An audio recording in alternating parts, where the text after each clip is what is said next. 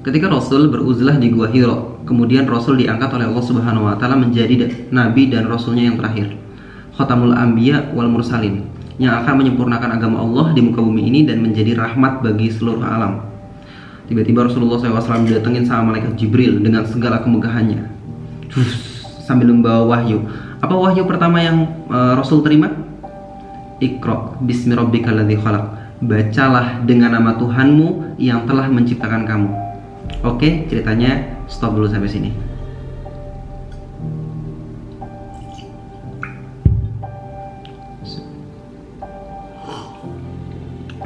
Tinggal dikit kopinya.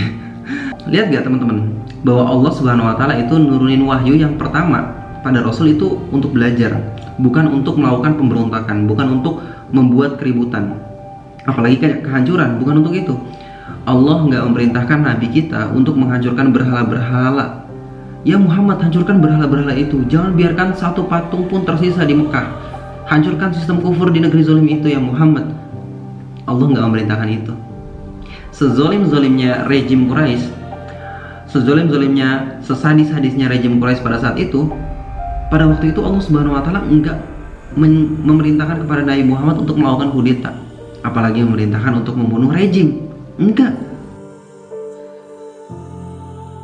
Nabi Muhammad itu diutus oleh Allah Subhanahu wa taala sebagai rahmat seluruh alam, maka melakukan sesuatu yang benar dengan cara yang salah itu adalah sebuah kesalahan. Jadi Rasul ngasih tahu kita, kalau kita pengen melakukan kebenaran, maka lakukanlah dengan cara yang benar juga. Islam punya contoh Nabi Muhammad SAW, bukan kayak Robin Hood. Tahu Robin Hood? Robin Hood gak? Jadi Robin Hood itu ngajarin kita nggak apa-apa ngerampok harta para pejabat yang korup terus kita sodakohin harta rampokan kita untuk rakyat miskin. Toh harta mereka adalah harta rakyat juga kok. Bener gak? mungkin sebagian dari kita ada yang bilang itu bener tapi Rasul nggak pernah ngajarin berbuat seperti itu. Melawan kebenaran dengan cara yang salah adalah sesuatu yang salah.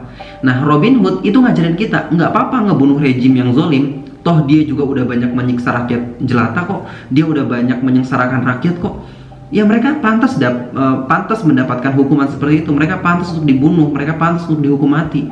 Wow wow wow. Dalam Islam nggak boleh kayak gitu cuy. Nabi Muhammad nggak pernah ngajarin kayak gitu.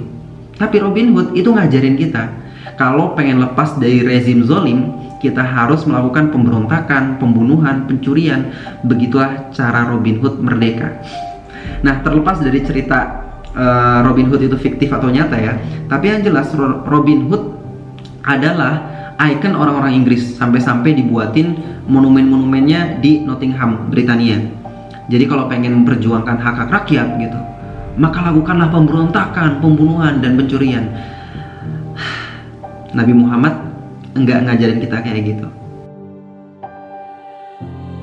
Ketika Nabi Muhammad ingin merubah kondisi pemerintahan yang korup, aparat yang menjilat masyarakat yang rusak Nabi Muhammad enggak diperintahkan untuk melakukan tindakan kekerasan apalagi teror tapi Nabi Muhammad diperintahkan untuk belajar Nabi diperintahkan untuk merubah ilmu masyarakatnya Kenapa? Karena ketika ilmu masyarakat berubah, maka kondisi yang korup itu, kondisi yang rusak itu akan berubah dengan sendirinya. Jadi, kita diperintahkan untuk belajar. Allah nyuruh kita untuk apa? Ikro ikronya apa? Bacalah belajarlah telitilah analisislah telaahlah. Itu yang diperintahkan Allah pada Nabi Muhammad. Dan itu juga yang diperintahkan Allah pada kita. Sekali lagi wahyu pertama yang turun para nabi itu enggak memerintahkan untuk melakukan kekerasan. Allah enggak bilang e, bunuh mereka ya Muhammad lakukan bom bunuh diri lakukan buatlah teror. Enggak gitu. Allah memerintahkan para nabi untuk ikro bacalah belajarlah telitilah analisislah telaahlah kalau wahyu pertama narasinya adalah kekerasan adalah teror seriously aku akan menjadi orang yang pertama kali murtad dari agama ini. Jadi ini sebenarnya adalah bukti yang sangat-sangat jelas bahwa Islam itu bukan agama yang teror bukan agama yang menteror bukan agama kekerasan karena wahyu yang pertama turun pada Nabi bukan memerintahkan kita untuk berbuat kekerasan, tapi memerintahkan kita untuk diskusi, untuk belajar, untuk menganalisa. Terus apa yang harus kita pelajari? Apa yang harus kita ketahui? Kita harus mengetahui apa itu hak dan apa itu batil. apa itu benar dan apa itu salah. Apa standar kebenaran kita? Kita harus mengetahui itu.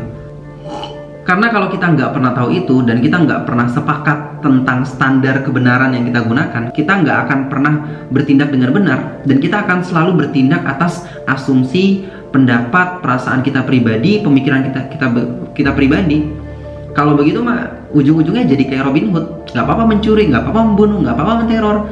Karena Robin Hood bertindak berdasarkan asumsi dan pendapatnya serta perasaan dia pribadi bukan karena memang itu adalah sebuah kebenaran pada hakikatnya Rasul juga nggak tahu apa itu kebenaran, makanya Rasul pergi beruzlah ke Gua Hiro. Nah, tapi Allah Subhanahu wa taala kasih tahu, makanya Rasul itu nggak bertindak seenaknya. Rasul hanya melakukan apa yang Allah perintahkan kepadanya, memberi hukum dan bertindak atas apa yang Allah wahyukan, bukan karena nafsu dan kemauan sendiri. So, ikro, bacalah, ketahuilah, belajarlah, telaahlah, analisislah. Ketahui tentang apa? Belajar tentang apa? Tentang kebenaran. Apa itu kebenaran? Siapa yang berhak menentukan benar dan salah? Apa standar kebenaran kita? Apakah para pejabat Quraisy gitu yang membuat undang-undang? Apakah mereka berhak menentukan kebenaran?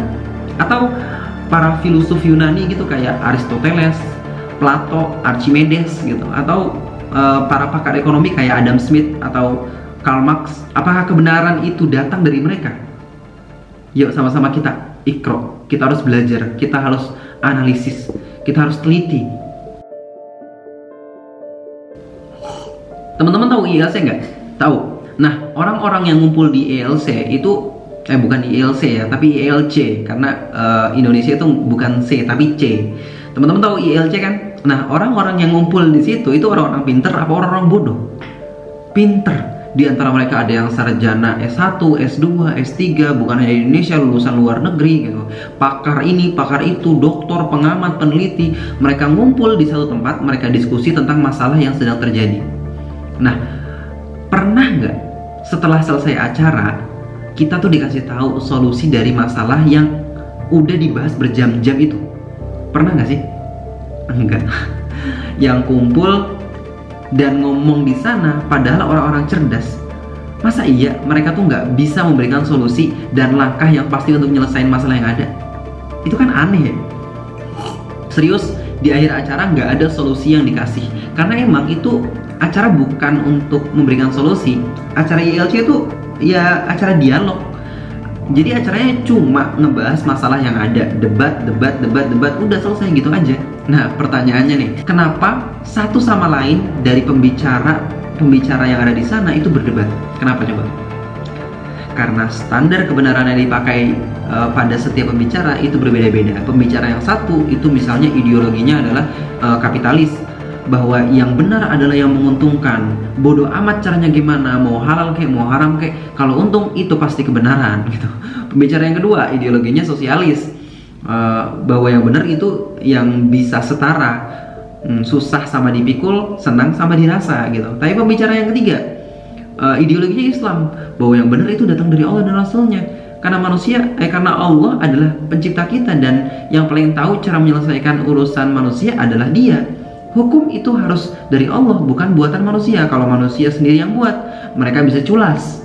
Nah karena di antara mereka aja belum pada sepakat apa itu kebenaran ya pantas aja setelah acara nggak pernah ada solusi yang keluar. Aku nggak bilang ILC itu nggak bagus ya bagus. Cuman akan lebih bagus lagi jika masing-masing dari penjat, dari pembicara itu menguji standar kebenaran yang mereka pakai dan bukan hanya berdebat berdebat berdebat nggak ada ujungnya Makanya wahyu pertama yang Allah turunkan kepada Nabi Muhammad yang Allah perintahkan kepada kita adalah ikro, belajar, e, cari tahu, analisa sebelum kita melakukan segala sesuatu.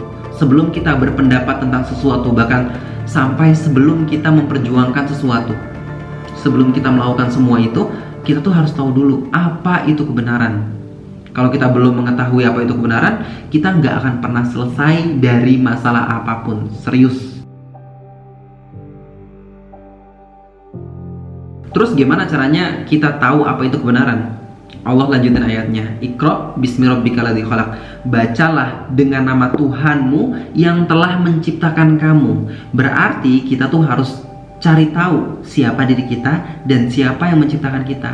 Kita hanyalah manusia. Manusia itu seonggok daging ditopang sama tulang belulang dialiri dengan darah dibungkus sama kulit luka dikit berdarah korengan gitu masuk virus atau bakteri sedikit bengek kemudar gitu. Lemah banget gak lemah banget. Umur kita paling berapa? Umur kita 60 sampai 100 lah itu kalau beruntung gitu dan gak ada manusia yang benar-benar abadi semua yang hidup pasti mati maka ketika kita tahu kita bakal mati masa iya kita masih mau berani sombong gitu? Bahkan uh, diri kita sendiri pun bukan milik kita. Kita nggak berkuasa atas diri kita sendiri. Coba gerakan jantung gerakan lambung lambung gerakan usus kontrol usus gitu. Gerakan lambung jangan lapar jangan lapar sekarang gitu. Bisa nggak coba, coba tunda penuaan. Bisa nggak nggak bisa itu adalah tanda bahwa diri kita sendiri aja bukan milik kita. Semua manusia itu butuh makan, tidur, buang air, buang air besar, buang air kecil. Coba jangan lakukan itu. Bisa nggak? Nggak bisa. Tandanya apa? Manusia itu lemah, manusia itu terbatas. Dan udah banyak banget contoh manusia-manusia belagu, manusia-manusia sombong. Mereka sombong atas kekuasaan dan kekuatan yang dia miliki. Dan ujung-ujungnya modar gitu, mati terus masih mau sombong gitu, masih mau belagu, gitu. masih mau bertindak semena-mena. Tahu diri deh, kita tuh manusia, manusia terlemah, secerdas apa pun dia, sehebat apa pun dia, seberpengaruh apa pun dia, seberkuasa apa pun dia, pada hakikatnya manusia itu lemah. Maka siapa pun manusia, dia nggak berhak untuk menentukan kebenaran. Oke, okay, kita udah tahu siapa diri kita. Diri kita manusia dan manusia itu lemah. Sekarang kita cari tahu siapa Tuhan kita. Tuhan kita adalah Allah. Kalau kamu belum yakin Tuhan yang benar itu yang mana, yuk kita ketemuan, kita diskusi dari sekian banyak Tuhan, mana Tuhan yang paling benar gitu. Tapi kita sebagai muslim harusnya sadar bahwa Tuhan kita adalah Allah. Allah yang menciptakan kita dan kita adalah ciptaannya. Kita terbatas, Allah nggak terbatas. Kita berawal dan berakhir, Allah nggak berawal dan nggak berakhir. Kita hidup dan mati, Allah itu maha hidup dan gak pernah mati. Allah menciptakan dan Allah menciptakan bukan hanya kita. Allah menciptakan alam semesta, matahari, bulan, bintang, siang, malam, bumi, langit berserta seluruh isinya itu adalah ciptaan yang maha kuasa. Dialah yang maha esa dan dialah yang maha kuasa. Ketika kita tahu dan sadar bahwa Allah itu maha kuasa dan kita sadar bahwa kita itu lemah, kita itu terbatas, maka kita akan sadar bahwa kita itu tidak berhak menentukan kebenaran. Karena yang memiliki kebenaran adalah Allah. Dialah yang berhak menentukan hukuman, dialah yang berhak menentukan standar kebenaran dan bukan manusia. Tapi jika ada manusia yang mencoba untuk berbuat zolim, dia mencoba untuk menentukan hukum sendiri, maka hakikatnya manusia itu sedang berusaha menjadi Tuhan. Jadi gini maksudnya, uh, dulu kan rejim-rejim Quraisy itu kan mengambil alih peran Tuhan dengan cara menentukan standar hukum dan kebenaran menurut asumsi dan pendapat mereka masing-masing, hawa nafsu mereka masing-masing.